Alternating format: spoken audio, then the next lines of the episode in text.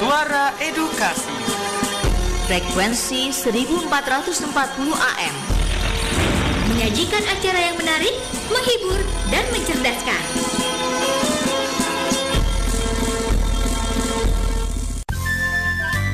Waktu berputar dan perjalanan peristiwa pun berjalan. Ikuti terus info edukasi, sebuah informasi pendidikan dari Radio Edukasi. Info Edukasi, informasi pendidikan Radio Edukasi. Marta Dinata Ciputat 1440 AM Suara edukasi akrab dan mencerdaskan. Halo, halo, halo. Assalamualaikum warahmatullahi wabarakatuh. Selamat siang sahabat edukasi. Aku Rabadi kembali menyapa, menemani dan terus sama-sama mengajak Sahabat edukasi di luar sana Sambil mendengarkan info edukasi tentunya. Kita harus sama-sama taat protokol kesehatan ya sahabat edukasi. Karena corona belum hilang, corona belum pergi. Namun kita harus tetap sama-sama semangat, tetap sama-sama bahagia Dan juga tentunya melakukan aktivitas dengan 3M Apa itu 3M? Yaitu menggunakan masker tentunya. Yang kedua adalah menjaga jarak. Dan yang terakhir, rajin mencuci tangan agar kita harus tetap terjaga kesehatannya karena kita habis eh, melakukan aktivitas, memegang ini, memegang itu dan juga tentunya dengan tiga aktivitas tadi, insya Allah kita akan terhindar, terjaga, tertular oleh pandemi COVID-19 ini. Oke, sahabat edukasi, info edukasi akan hadir kurang lebih 30 menit ke depan membawakan informasi-informasi terkini terupdate dari dunia pendidikan dan kebudayaan yang tentunya akan hadir menemani sahabat edukasi di siang hari ini. Mari kita langsung saja simak informasi yang pertama.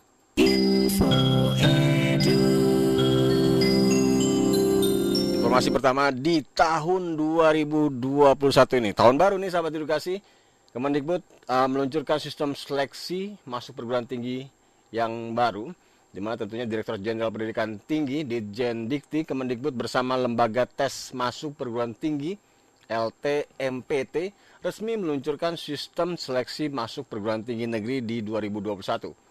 Di 4 Januari kemarin ini peluncuran seiring dengan peningkatan kualitas uh, seleksi penerimaan mahasiswa baru perguruan tinggi negeri PTN yang terus dioptimalkan ada tiga jalur seleksi yaitu SNMPTN, SBMPTN dan seleksi mandiri. Peningkatan kualitas ini dilakukan melalui pengembangan model proses seleksi di era digital yang disesuaikan dengan perkembangan teknologi informasi melalui seleksi dan model tes yang dikembangkan secara berkesinambungan. LTMPT ini membantu perguruan tinggi untuk memperoleh calon mahasiswa unggul. Dirjen Pendidikan Tinggi Nizam saat uh, sambutannya mengucapkan terima kasih kepada seluruh jajaran LTMPT yang selama tahun 2020 kemarin ini sudah menyelenggarakan seleksi masuk perguruan tinggi dengan sangat baik. Nizam juga mengapresiasi LTMPT yang bekerja sangat baik dengan kompak dengan protokol yang luar biasa dijaga bersama kesehatan dalam upaya mengantisipasi terjadinya penularan COVID-19. Nizam mengingatkan agar dalam persiapan penerima, penerimaan mahasiswa baru 2021, praktek baik yang sudah dilaksanakan di tahun lalu perlu dipertahankan, bahkan harus ditingkatkan. Selain itu, perbaikan-perbaikan yang diperlukan dapat dipersiapkan dari sekarang. Nizam menambahkan, mengingat waktu yang masih cukup tersedia untuk dilakukan hal-hal yang diperlukan di tahun lalu kita beradaptasi dan berdinamika. Kemudian sekarang kondisinya sudah lebih pasti dan sudah lebih tahu situasi pandemik akan berlangsung seperti apa sehingga kita harus bisa lebih beradaptasi di awal. Di kesempatan yang sama, Ketua LTMPT Muhammad Nasih ini mengatakan bahwa seleksi nasional masuk perguruan tinggi negeri atau SNMPTN 2021 segera dimulai. Yang berkaitan dengan kalender akademik satu kali dalam setahun itu, ia menegaskan tanggal 4 Januari 2021 merupakan tanggal yang sangat keramat bagi siswa peserta SNMPTN 2021. Menurutnya, siswa harus segera menyiapkan kebutuhan dan memperhatikan secara sesama informasi apa saja yang harus dipenuhi sebagai syarat pelaksanaan SNMPTN. Adapun SNMPTN merupakan seleksi berdasarkan nilai akademik saja atau nilai akademik dan prestasi lainnya yang ditetapkan oleh PTN dengan biaya subsidi penuh oleh pemerintah. Di pelaksanaan tahun 2021 diawali dengan registrasi akun LTMPT melalui laman portal titik ltmpt titik ac titik id pada 4 Januari hingga 1 Februari 2021. Penetapan siswa yang eligible oleh sekolah 4 Januari 2021 hingga 8 Februari 2021. Lalu aktivitas selanjutnya peng, pengisian PDSS yang dilaksanakan 11 Januari hingga 8 Februari 2021 dan tentu juga pendaftaran SNMPTN dari 15 hingga 24 Februari 2021. Lalu ada pengumuman hasil SNMPTN yang dijadwalkan pada 22 Maret 2021 dan pendaftaran ulang peserta yang lulus SNMPTN lihat di laman PTN penerima.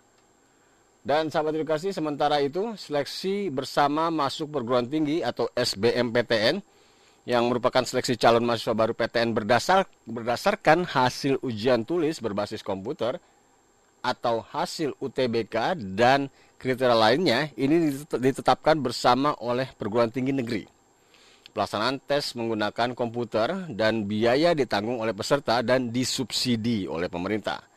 Dalam mengikuti tahapan SBMPTN 2021 diawali dengan registrasi tentunya di akun LTMPT untuk UTBK dan SBMPTN 7 Februari hingga 2000 hingga 12 Maret 2021. Untuk pendaftaran UTBK dan SBMPTN dilaksanakan dari 15 Maret hingga 1 April 2021.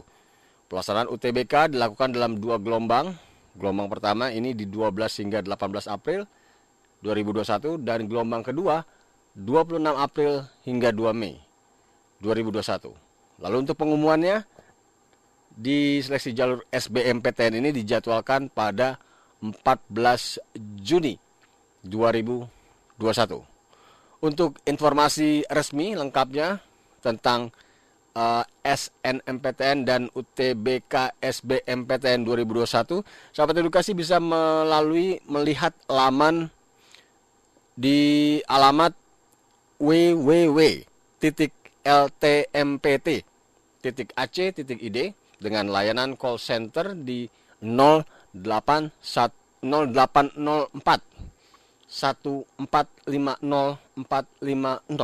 dan help desknya melalui laman halo titik ltmpt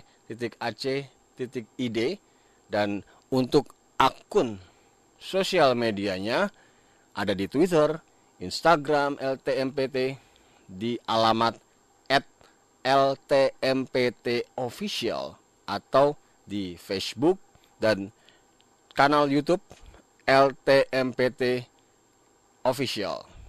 Baik, info edukasi akan berlanjut dengan informasi-informasi lainnya dan tentunya sahabat edukasi eh, di kanal YouTube pun kini sedang berlangsung eh, taklimat media untuk eh, sahabat edukasi bisa menyaksikannya di kanal YouTube eh, Kemdikbud RI yaitu terkait dengan taklimat media awal tahun Kemendikbud, capaian tahun 2020 dan sasaran tahun 2021. Di mana tentunya Merdeka Belajar episode episode banyak yang sudah dilakukan oleh Kemendikbud akan dipaparkan di sana. Baik, info edukasi akan berlanjut setelah yang satu ini.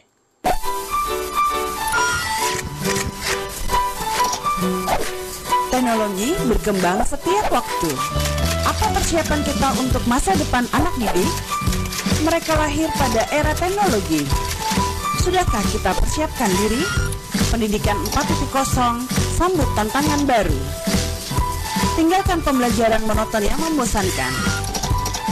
Memanfaatkan TIK dan inovasi dalam pembelajaran. Teknologi lahir dari pendidikan. Sudah selayaknya kita manfaatkan. Mari kita mulai search Rumah Belajar Kemdikbud. Belajar.kemdikbud.go.id. manfaatkan untuk pembelajaran.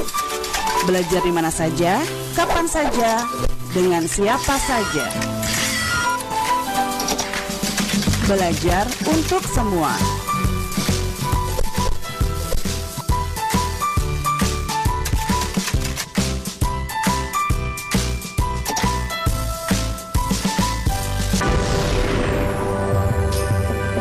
Suara Edukasi Akrab dan mencerdaskan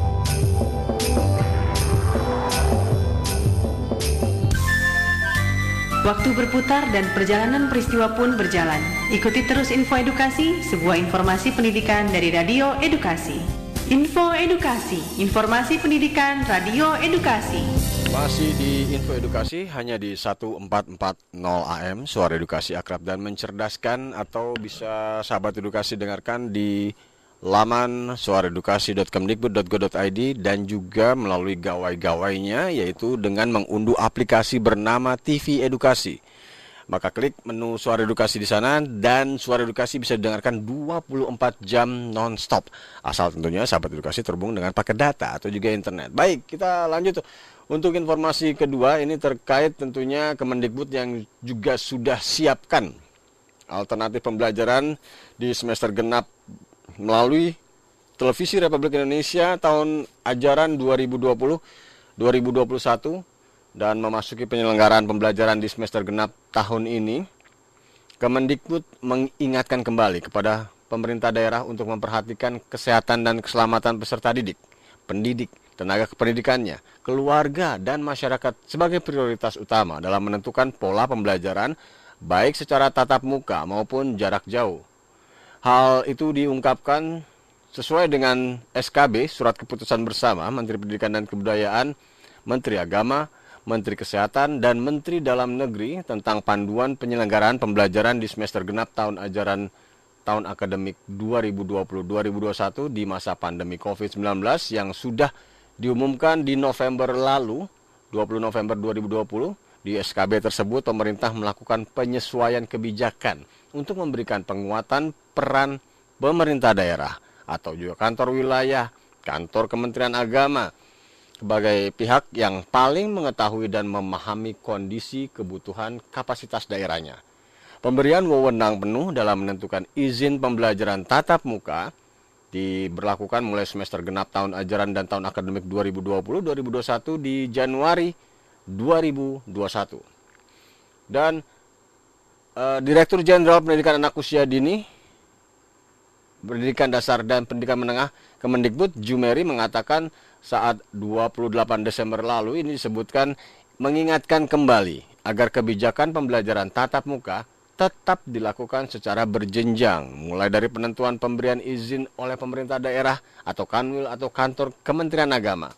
Lalu, pemenuhan daftar periksa oleh satuan pendidikan, serta kesiapan menjalankan pembelajaran tatap muka.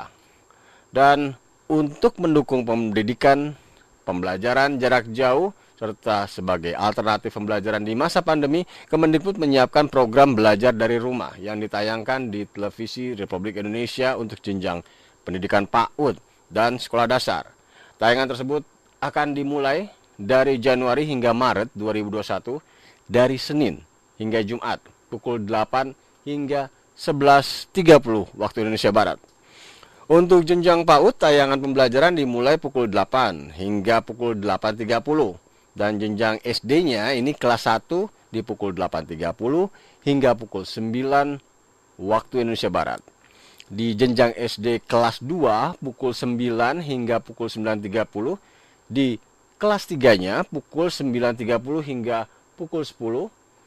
Di SD kelas 4 pukul 10 waktu Indonesia Barat hingga pukul 10.30 di kelas 5 pukul 10.30 hingga 11 waktu Indonesia Barat dan SD kelas 6 pukul 6 ah, maaf pukul 11 hingga 11.30 semuanya berdurasi uh, 30 menit. Baik sahabat edukasi kita langsung saja uh, simak uh, taklimat media yang juga sudah dilaksanakan di kanal YouTube-nya Kementerian Pendidikan dan Kebudayaan. Semua tantangan yang luar biasa beratnya ada satu prinsip dasar yang kita pegang selalu, yaitu apa yang terbaik untuk para murid-murid kita dan guru-guru kita. Itu menjadi prinsip dasar utama semua kebijakan kita dan prinsip dasar semua inisiatif Merdeka Belajar yang terjadi. Sebelum saya masuk dalam paparan saya, saya ingin mengucapkan pertama, terima kasih yang sebesar-besarnya kepada tim Kemendikbud yang sangat luar biasa telah berupaya selama tahun ini untuk menangani masalah pandemi ini dan juga masih bisa melaksanakan transformasi dunia pendidikan dengan keberanian, dengan ketulusan hati, dan juga dengan ketangguhan yang luar biasa. Terima kasih dan suatu kehormatan bagi saya untuk bisa memimpin kementerian yang sungguh luar biasa ini. Sekarang kita akan masuk dalam paparan. Di paparan ini kita akan uh, membuat tiga bidang tiga area atau tiga sesi. Silakan berikut. Satu adalah apa saja capaian program kita di tahun 2020, tahun yang luar biasa menantang ini. Bagian kedua kita akan masuk kepada capaian kebijakan di masa pandemi yang akan saya paparkan. Dan ketiga adalah melihat ke depan di 2021 apa saja program prioritas kita yang akan kita laksanakan. Bisa langsung. Berikut. Sekarang kita masuk kepada capaian program prioritas yang akan saya buka lalu dilaksanakan dilanjutkan oleh masing-masing direktorat. Berikut. Marilah kita melihat sekejap kembali tahun 2020. Bahwa walaupun ini tahun pandemi yang luar biasa menantangnya, kami di Kemendikbud dengan rasa sangat bersyukur telah bisa memulai transformasi pendidikan Indonesia dengan program Merdeka Belajar. Dan kita memulainya dengan suatu kebijakan yang sangat besar dengan menghapus ujian sekolah berstandar nasional dan menggantikan UN. Ini adalah dalam rangka meningkatkan otonomi daripada masing-masing sekolah sesuai dengan undang-undang dan juga menggantikan UN dengan asesmen nasional di mana dampak daripada tes nasional itu bukan lagi berdampak kepada murid-murid, bukan menjadi alat diskriminasi untuk murid-murid yang tidak mampu membimbelkan uh, atau orang tua yang tidak mampu membimbelkan anaknya, tetapi asesmen nasional berubah menjadi suatu evaluasi terhadap sekolahnya, terhadap sistem pendidikannya. Memang sepatutnya seperti itu. Dan juga bukan hanya kognitif, numerasi dan literasi yang kita ukur dari siswa, tapi juga survei karakter. Jadi nilai-nilai profil pelajar Pancasila yang ada dalam siswa dan juga survei lingkungan belajar sekolah di mana proses-proses pembelajaran yang merdeka kita evaluasi. Menteri Pendidikan dan Kebudayaan Nadiem Anwar Makarim yang sedang memberikan paparan di hari ini 5 Januari 2020 terkait taklimat media awal tahun Kemendikbud capaian tahun 2020 dan sasaran tahun 2021 di mana tadi sudah disebutkan akan dipaparkan capaian program prioritasnya, lalu capaian program kebijakan belajarnya dan juga sasarannya seperti apa.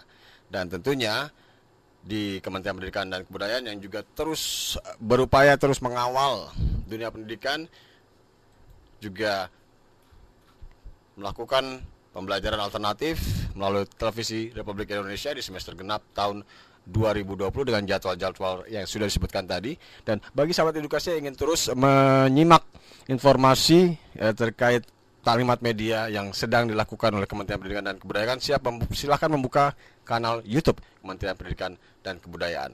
Baik, sahabat edukasi akan ada informasi-informasi pendidikan lainnya tetap di Suara Edukasi yang akrab dan mencerdaskan.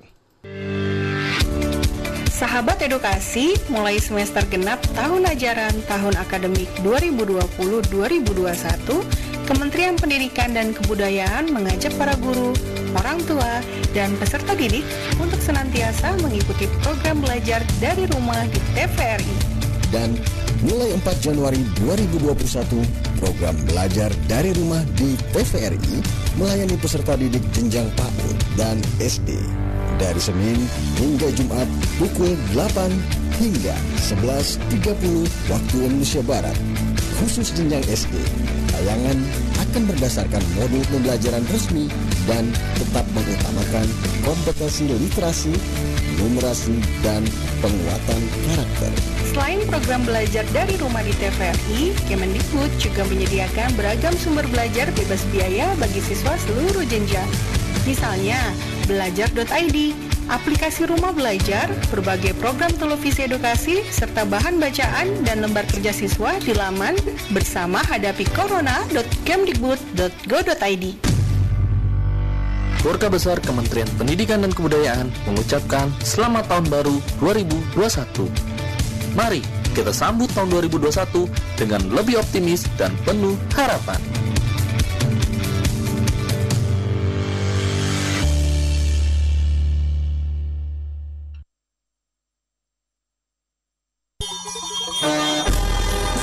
Suara Edukasi. Frekuensi 1440 AM. Menyajikan acara yang menarik, menghibur, dan mencerdaskan.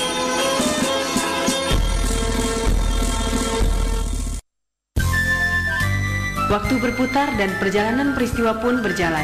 Ikuti terus info edukasi, sebuah informasi pendidikan dari Radio Edukasi. Info Edukasi, informasi pendidikan Radio Edukasi.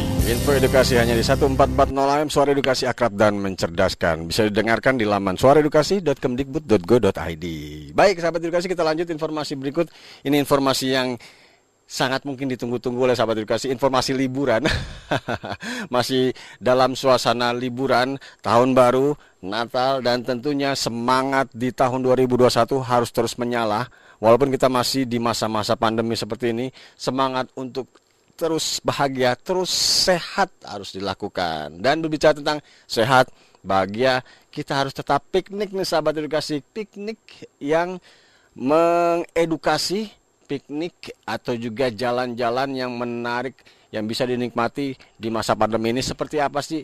Ada banyak sahabat edukasi tempat-tempat yang bisa dikunjungi melalui uh, virtual atau tempat-tempat yang mungkin dekat, yang aman dan taat protokol kesehatan ada banyak tempat yang dilakukan dan juga sudah dipromosikan kementerian-kementerian di uh, Indonesia ini dan kita akan ngobrol dengan salah satu teman yang juga tentunya sahabat edukasi sudah kenal suaranya sudah kenal dengan uh, kiprahnya di dunia pendidikan kita akan sapa halo kakak Rufina Sekunda selamat siang Halo juga, Suara Edukasi, selamat siang. Oke, Kak Ina, Kak Ina yang duta rumah belajar ini yang kece, keren, keren, keren.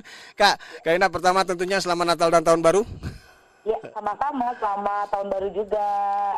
Oke, Kak Ina, ini aku sempat browsing, sempat jalan-jalan juga tempat-tempat wisata yang eh, banyak yang dibuka eh, tentu juga melalui langsung dan juga virtual. Saya tertarik untuk yang virtual bahkan juga sebelum mungkin kita bisa langsung ke lokasi ini bisa jadi panduan uh, dan tentunya tempat-tempat ini bisa menjadi pelipur apa namanya mata atau lara kita juga ya di masa pandemi ini ya Kaina ya tentunya ya Betul, betul, betul. Oke Kaina saya saya juga sempat dapat informasi kalau ini ada tempat yang juga menarik di Kalimantan yang juga teman-teman uh, termasuk Kaina me- melakukan sosialisasi tempat untuk ber apa namanya ber berlibur tapi ada sisi edukasinya. Ini museum betul ya Kaya? Iya, betul banget. Betul. Tepatnya di mana? Bisa diceritakan Kaina? Uh, uh, jadi kan kemarin Mhm. uh, dalam rangka memperingati Hari Museum uh, Indonesia ya, Museum Nasional ya. Museum Nasional. Uh, ya Hari Museum Nasional untuk Indonesia. Jadi hampir semua museum-museum di Indonesia kan mengadakan seperti kayak pameran virtual gitu ya. Betul. Nah, jadi lumayan ini salah satu apa sih namanya era baru lah ya dalam kehidupan kita yang juga serba baru, kita tidak pernah melakukan itu. Nah, jadi Museum Kapuas Raya Sintang itu melakukan pameran virtual. Museum Kapuas. Iya, Museum Kapuas Raya Sintang yang ada di Kalimantan Barat di Kabupaten Blitar juga ikut Mas Agung melakukan pameran virtual itu. Nah, itu kurang lebih dari bulan Agustus sampai bulan November itu rangkaian apa rangkaian kegiatannya macam-macam deh Mas Agung. Yang hampir rata-rata dia kayak belajar juga gitu. Ada Oke. daring, ada luring. Nah, gitu. Museum Kapuas eh, Sintang ini ini kalau eh, saya hadir atau teman-teman hadir ke lokasi apa yang yang yang apa jadi objek yang bisa dinikmati? Nah, jadi kalau Museum Kapuas Raya Sintang itu dia tipe museum yang memang memajang barang-barang kebudayaan, barang-barang uh, sejarah ya. Nah, jadi dia tipenya apa ya kalau dalam museum itu kan ada kategorinya ya Mas ya. Betul, betul, betul, betul. Nah, jadi Museum Kapuas Raya Sintang ini dia yang pertama tentang sejarah berdirinya Kabupaten Sintang itu sendiri. Oh. Kemudian dia karena juga yang kita ketahui bahwa lambang negara Republik Indonesia Garuda Pancasila itu Garuda. milik Kabupaten Sintang. Oh, Nah, jadi begitu. Sultan Sahadir yang diperintahkan oleh Presiden kita Insinyur Soekarno itu meminjam dari Kerajaan Sintang burung Garuda itu untuk didesain menjadi lambang negara Indonesia. Nah, jadi kalau sahabat edukasi mau tahu tentang the real dari lambang negara Indonesia kebanggaan kita harus pergi ke Museum Kapuas Raya karena lengkap sekali detailnya ada di sini. Wow. Nah itu sejarahnya.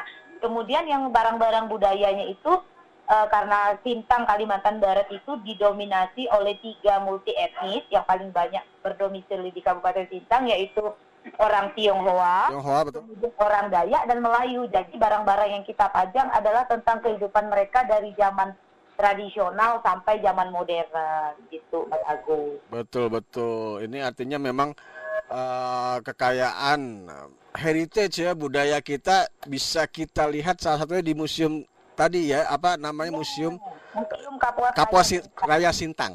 Oh, ini lokasinya kalau kalau dari luas cukup luas ya. Kaina, luas atau Iya luas luas besar banget dia besar sangat besar. Heeh. ada ada program-programnya kah yang yang misalnya juga bisa di, di- dilakukan para pengunjung misalnya seperti museum batik melakukan membatik atau ada ada program edukasi yang langsung bersentuhan Eh, kalau yang secara langsung misal seperti itu tidak ada, paling kita memang sifatnya hanya mengamati. betul. Nah, mengamati, menanya, dan mungkin ya bisalah mengkomunikasikan seperti misalnya kita membuat live streaming, membuat vlog, gitu. Nah, itu diperbolehkan, diizinkan. Ah, ah, masih dalam tahap seperti itu saja. dari situ juga sudah sudah banyak ya bisa diambil ya artinya tadi ya sangat soal apa lambang negara ya. Lambang Iya, negara. lambang negara Indonesia ada di sana, yang aslinya, sebelum disempurnakan oleh uh, Mr. Sultan Farid dan timnya. ah, ah. Oke, Bu Ina, kalau kalau melihat uh, antusias warga sendiri yang yang dekat-dekat lokasi, nah kalau kalau lihat antusiasnya ke, ke- uh, kehadiran pengunjungnya, ya mungkin sebelum masa pandemi, ini seperti apa untuk mu- museum ini?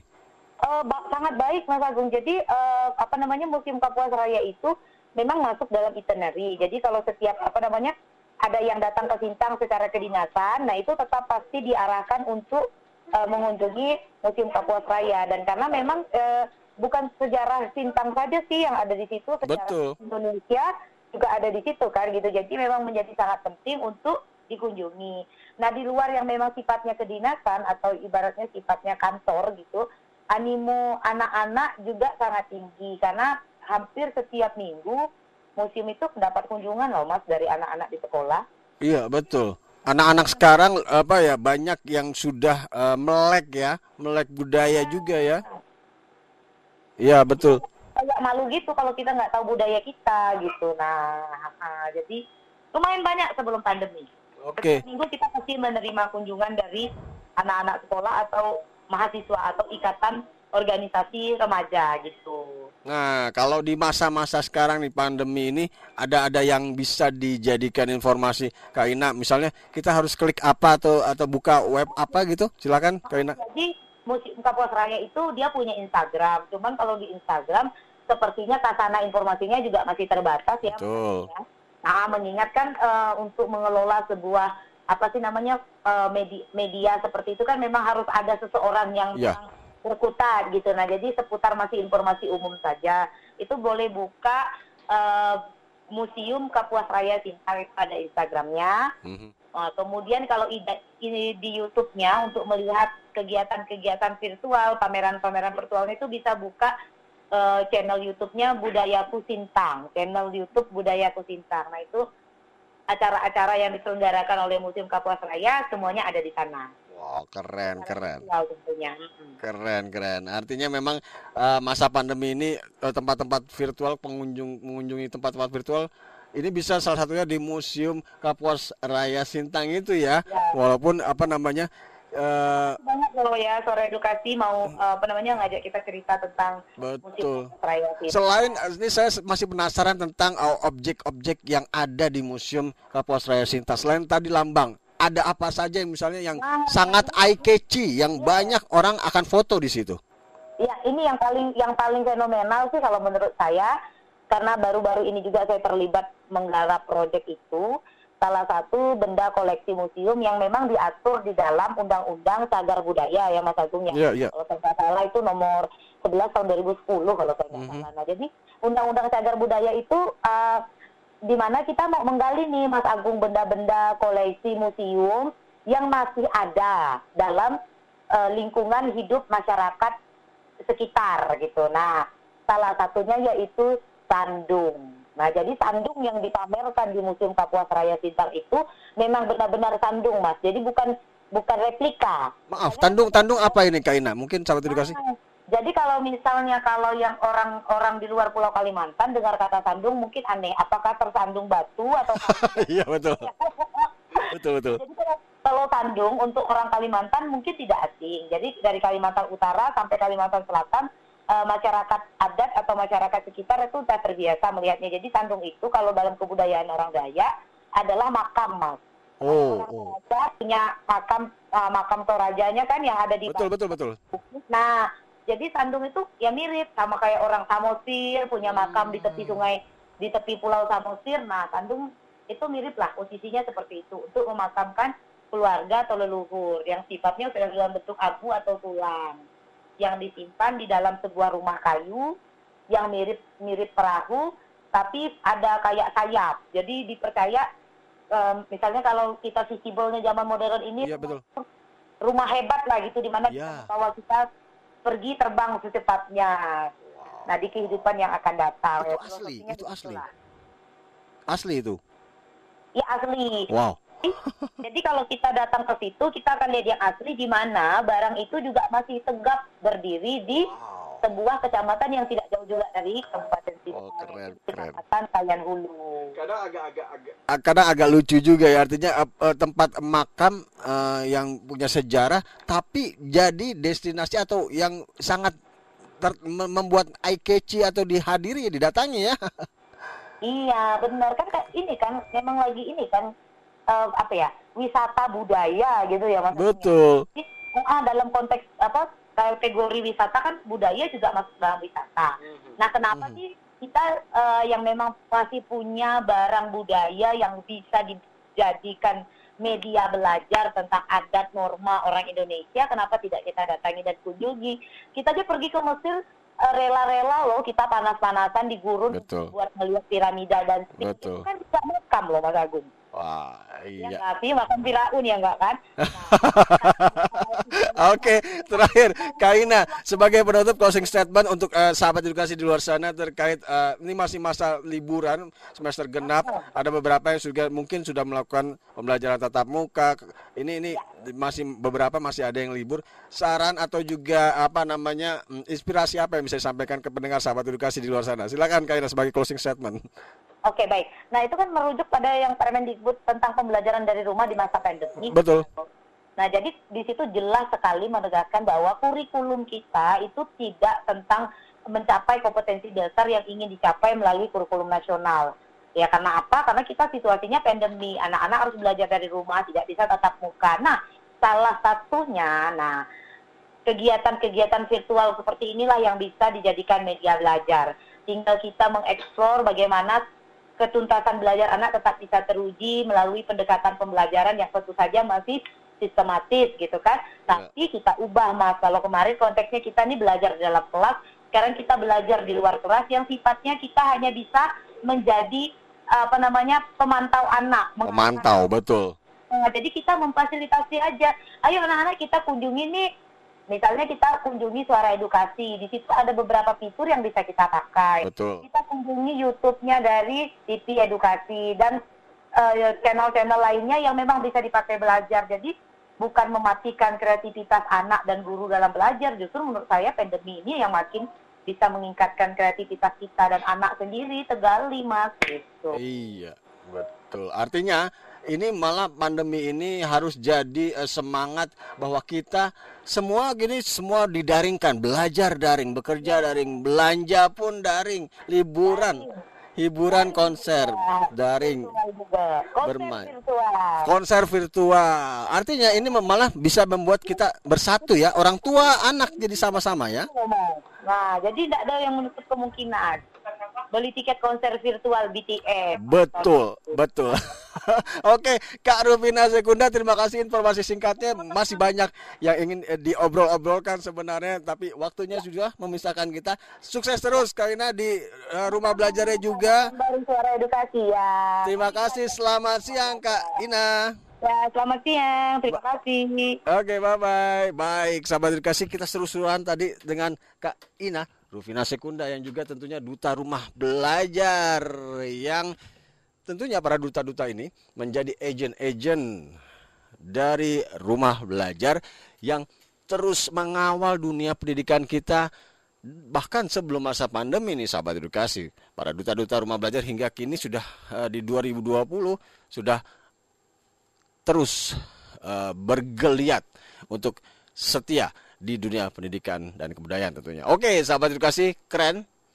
Dan tentunya masa pandemi ini uh, harus kita sama-sama kawal siswa-siswanya, dunia pendidikannya, di mana semuanya tadi didaringkan dari mulai belajar, bekerja, belanja, liburan, bahkan hiburan, dan juga bermain atau game sama-sama ini membuat kita jadi lebih erat, lebih uh, bersatu hubungannya orang tua dengan anak jadi semakin dekat dan jadi tahu seperti apa uh, cara belajar yang pas di masa pandemi ini terutama.